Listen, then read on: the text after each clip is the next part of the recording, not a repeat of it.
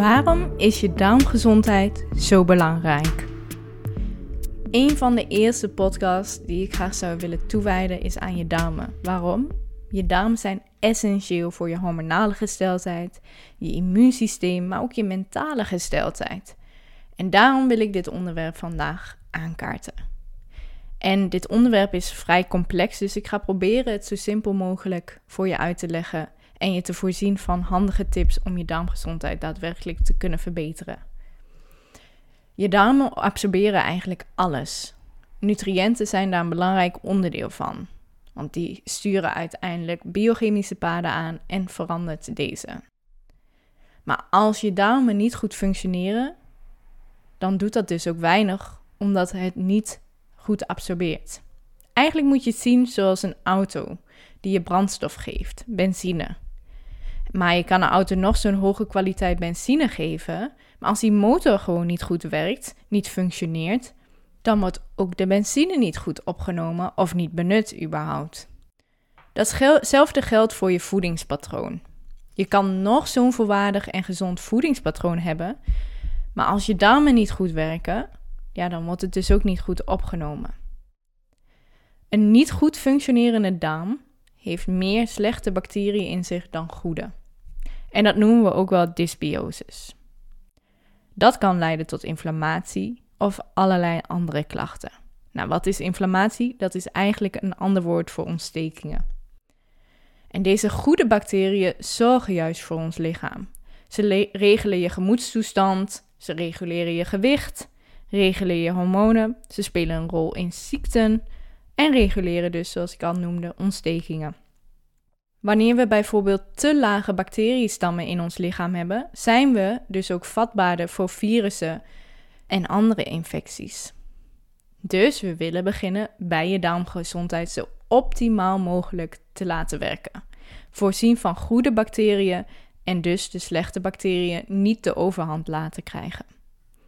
Nou, slechte bacteriën groeien bij een omgeving die gevoed wordt door bijvoorbeeld suikers waar te veel ontstekingen zijn. Of als je darmslijmvlies te dun geworden is of verminderd is. Het is de ideale kampeerplek voor parasieten en andere infecties die voeden op die nutriënten. En dit is ook een van de redenen waardoor dat darmslijmvlies minder wordt en dus ontstekingen kunnen verhogen. Nou, je darmslijmvlies is een belangrijke om nog even op in te gaan. Want dit is een essentiële factor voor je darmgezondheid en dus je darmen. Het darmslijmvlies beschermt je tight junctions, oftewel de cellen van je ingewanden, zodat ze strak blijven en enkel specifieke dingen in je lichaam door kunnen laten gaan, die er ook doorheen horen te gaan. En dat komt dan weer terecht in je bloedsomloop. Misschien heb je wel eens gehoord van de term leaky gut, oftewel lekkende darm. Dit is eigenlijk wat er gebeurt als die tight junctions te ver uit elkaar worden getrokken en er dus dingen in ons bloedsomloop komen, terechtkomen die er niet in horen te komen. Je kunt daarbij denken aan toxines of proteïnen. Nou, dit is eigenlijk een van de voornaamste redenen waarom je dus heel voedzaam kan eten, maar als het door je darm heen lekt, je dus alsnog een reactie vanuit je lichaam krijgt en klachten krijgt omdat je immuunsysteem reageert op de voedingsmiddelen die eigenlijk door die tight junctions heen komen en zeggen van hey, dit hoort hier niet te komen. En dus krijg je huidklachten zoals eczeem of schimmelinfecties of andere symptomen. En dit is dus ook waar voedselallergieën ontstaan. Dat is eigenlijk ook een van de redenen waarom ik zelf geen fan ben van het testen van voedselallergieën of sensitiviteiten omdat je kan nog wel naar die voeding gaan kijken, wat jij denkt dat zorgt voor die problemen, maar je, als je darmen niet optimaal werken en je darmslijmvlies verminderd is, ja, dan kan je dus heel veel met voeding doen, maar dat werkt dus niet. Dus het begint bij het herstellen en optimaliseren van je darmgezondheid. Wat ik vaak zie gebeuren, ook als klanten bijvoorbeeld bij mij komen en al dingen hebben geprobeerd, is dat zij volledig voeding gaan elimineren, zodat eigenlijk die darmen ook niet ergens op kunnen reageren, omdat ze ook overal op reageren. maar vervolgens eigenlijk alleen maar hun klachten verergeren daarmee. Waarom?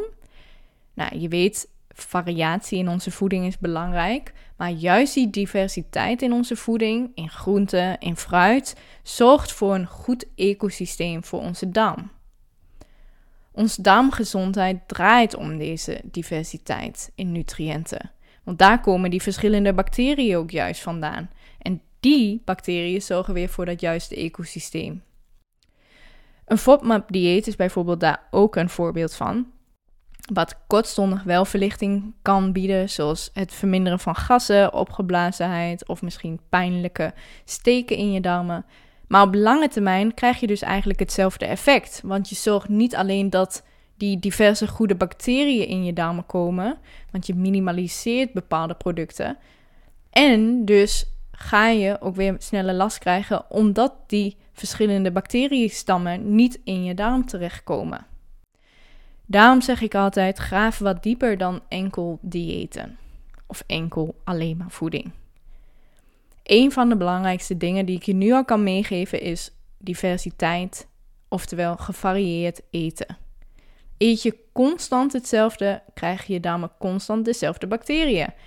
En dat gaat je dus niet verder helpen, dat is duidelijk. Dus begin maar eens met 14 verschillende groentes en fruit per week te eten. En sowieso variatie te brengen in je maaltijden. En dat is super haalbaar. Qua fruit ben ik zelf bijvoorbeeld erge voorstander van de kleuren blauw, rood, paars en zwart. Waarom? Omdat deze rijk zijn aan polyfenolen. Zwarte rijst kun je aan denken, blauwe bessen, frambozen, aubergines, maar ook bijvoorbeeld niet die kleuren zoals broccoli, groene thee, kurkuma en noem zo maar een aantal op. Polyfenolen zijn cruciaal voor je darmgezondheid en het ondersteunen van je darmmicrobioom. En ik hoor je nu denken, maar wat als ik die dingen niet kan eten, want daar krijg ik een reactie van? Nou, dan weet je dus nu, simpel gezegd, je darmen zijn beschadigd en er is sprake van inflammatie. Nou, daar ga ik zo nog even wat meer over vertellen, over die inflammatie. Dus wat zorgt er nou voor dat dat darmslijmvlies verminderd wordt? Het is een veelgenoemd woord, maar het blijft een enorme impact hebben en dan heb ik het over stress. Dit breekt namelijk het slijmvlies van de darm af. Bij stress komt de cortisol vrij, dat weten we inmiddels. En cortisol is een stresshormoon. En dat stresshormoon is katabolisch. En katabolisch betekent afbraak. Dus het is enorm belangrijk om stress naar beneden te krijgen. En dat vraagt om te werken aan het activeren van je parasympathisch zenuwstelsel, rest and digest systeem. Een van de standaard fundamenten die ik mijn klanten leer om in te integreren is diep ademhalen en journalen. We zitten met onze gedachten veel in ons hoofd. Over wat we nog moeten doen, of wat we nog willen doen, of wat ons niet lukt. Schrijf dat eens eerst van je af. Zorg voor ruimte in je hoofd, dat het uit je hoofd is. Tegelijkertijd wil ik je daadwerkelijk ook het fysieke aspect aanleren. Het in gang zetten van diepe ademhaling. Begin maar eens elke dag met 10 minuten 4 seconden in te ademen en 8 seconden uit te blazen. En dat is echt een must voor het verlagen van je stress. En dan niet op de automatische piloot tijdens het schrijven van je content, tijdens het coachen, tijdens het schoonmaken, het niet, ook niet tijdens het autorijden of tijdens het koken. Je wilt echt dat ademhalen proactief en gefocust doen. En tuurlijk kan je er onbewust ook op letten als je andere dingen doet. Maar ik wil je aanraden, neem er elke dag de tijd voor. Heb je ADHD of ben je sneller afgeleid, dan zou ik je aanraden om je ogen dicht te doen en oordopjes in te doen met een kalmerend geluid zoals die van de natuur, zodat je ook gefocust blijft. Wat ook kan helpen in het verlagen van stress is natuurlijk mediteren, hardmath, wandelen in de natuur, tekenen of met je, met je handen bezig zijn, zoals kleien, handarbeid.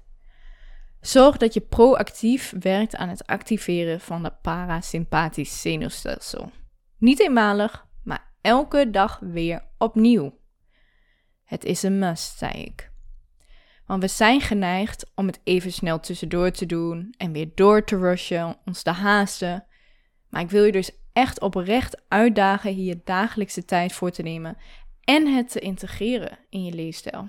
Ook al heb je dus een druk bestaan, je gaat mij niet vertellen dat je 10 minuten op een dag niet stil kan staan bij even je ademhaling.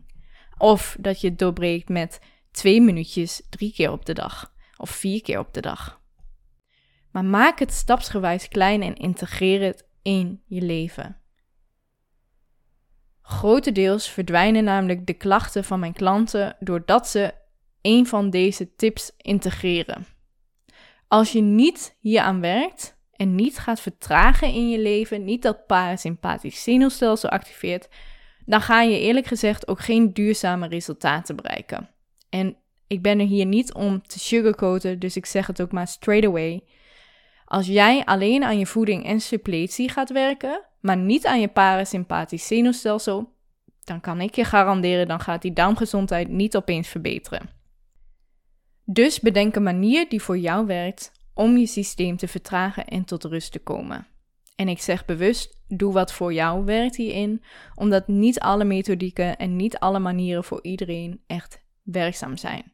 Of niet fijn werken. Ze zijn sowieso werkzaam, maar misschien niet voor jou prettig werken. Alright, je hoorde me net al over inflammatie praten, oftewel een ander woord voor ontstekingen. En inflammatie is een killer voor je hormonen. Dat wisten we al. Het zorgt er namelijk voor dat de communicatie tussen je hormonen niet goed verloopt en er dus klachten ontstaan. Maar inflammatie is ook finest voor je darm, want dat is waar het begint. Inflammatie komt namelijk voornamelijk uit je darmen. Een van de functies van je darmen is namelijk inflammatie te reguleren. Dat noemde ik al even. De goede bacteriën in je darmen reguleren die ontstekingen en zorgen dat die niet kunnen ontstaan of overhand kunnen nemen. Maar die goede bacteriën moeten wel sterk zijn, zodat de koppeling naar je zenuwstelsel goed verloopt. Een van de onderdelen die enorm veel impact heeft op het ontstaan van inflammatie, dat is wel in je voeding. En dan kun je denken aan geraffineerde suikers, hoogbewerkte producten, dieetproducten zoals eiwitrepen, alcohol, plantaardige olie en soms zelfs gluten. Maar daar ga ik misschien nog een andere podcast op in. Inflammatie in je darmen kan eindigen in neuroinflammatie, oftewel hersenontsteking, simpel gezegd. En dat ontstaat via de gut-brain axis, zoals ze dat noemen. En je hoort het al, dat is een as die verbonden is tussen je darm en je brein. Heb je dus mentale gezondheidsklachten zoals neerslachtigheid, gevoelens van depressie of vermoeidheidsklachten, dan kan het een goed begin zijn om ook naar je darmen te gaan kijken. Je darmen zijn dus niet alleen belangrijk voor je hormonen, maar voor elk aspect in onze gezondheid. Elk aspect. De darmen hebben namelijk veel verschillende assen door het hele lichaam. Ook in de huid, ook in de lever en noem zo maar op. Of course, ik hoor je denken: oké, give me a checklist. Een aantal voorbeelden zodat je je kan herkennen als je darmen niet goed werken.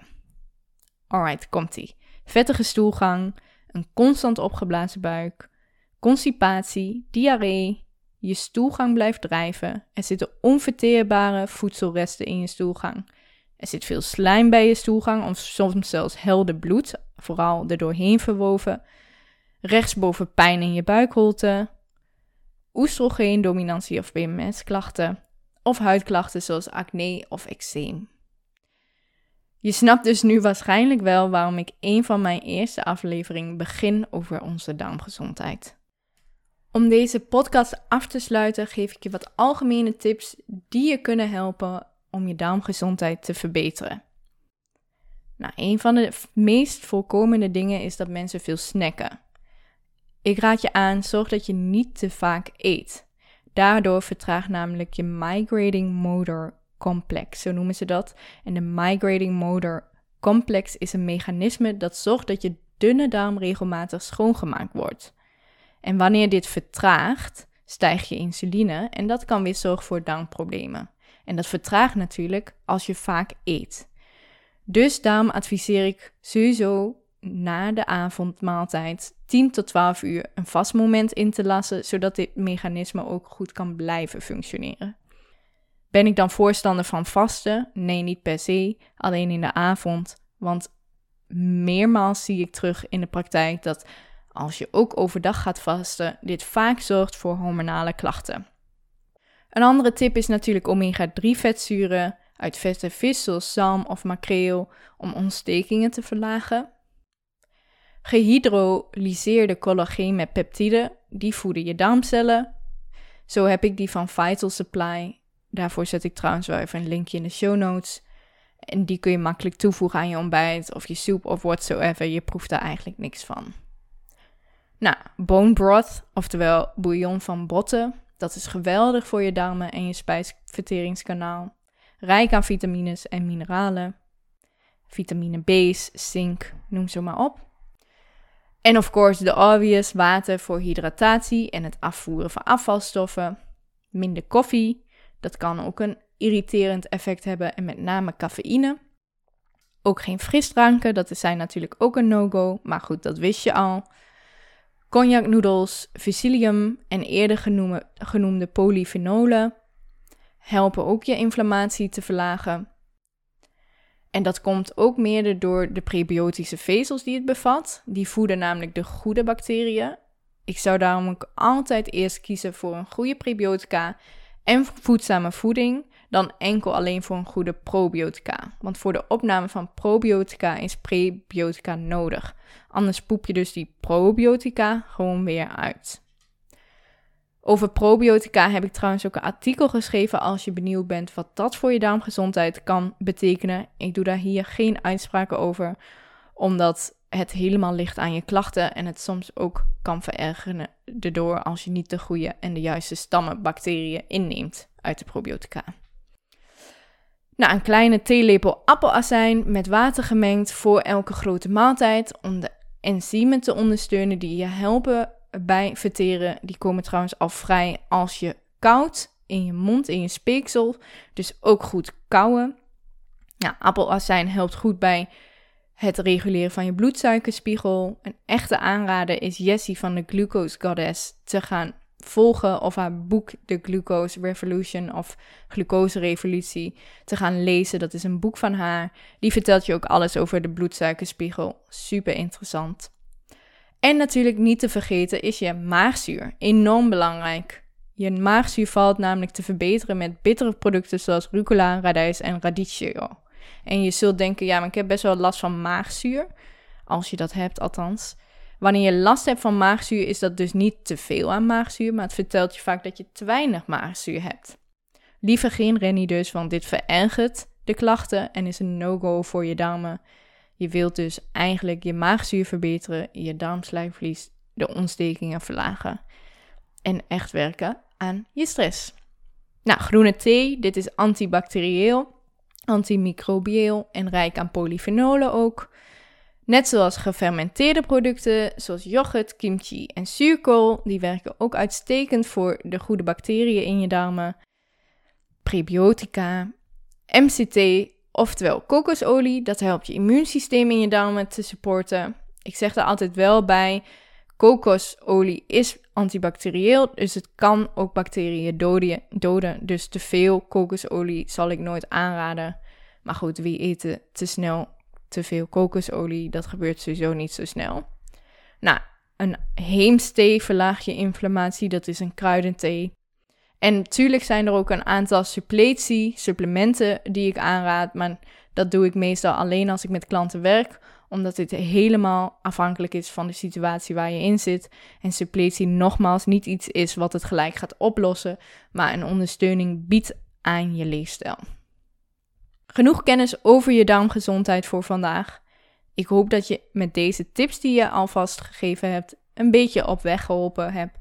En de key points om mee te nemen zijn: fix je darmen, dan fix je veel van je hormonale of fysieke klachten. Veel darmklachten ontstaan door inflammatie en vermindering van je darmslijmvlies. Breng diversiteit en dus variatie aan in je voedingspatroon. Uitdaging zit toch echt op 14 verschillende groentes en fruitsoorten per week. Ga het proberen. En optimaliseer je stress door aan je zenuwstelsel te werken, je voeding en je leefstijl. Het is niet of, of, of, het is en, en, en. Ik hoop dat deze podcast je in ieder geval nieuwe inzichten heeft gebracht, nieuwe kennis. En natuurlijk miste er nog wel heel veel context. Het is ook een complex thema. En het is ook logisch, want die diepte kan ik pas echt ingaan als ik met je werk en alle aspecten van je leefstijl kan bekijken. Als je meer informatie wilt over hoe je met mij kan werken of over het traject dat ik aanbied, bekijk dan de show notes voor meer informatie. Op mijn blog vind je trouwens ook wel wat artikelen over probiotica en darmgezondheid en ook over mijn Instagram. Ook dat vind je in de show notes. Ik ben benieuwd wat je van deze podcast vond, dus laat het vooral even weten.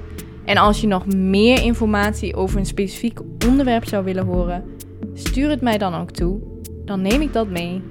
En voor nu wil ik je bedanken voor het luisteren en wens ik een prettige dag nog verder toe. Heel veel liefs.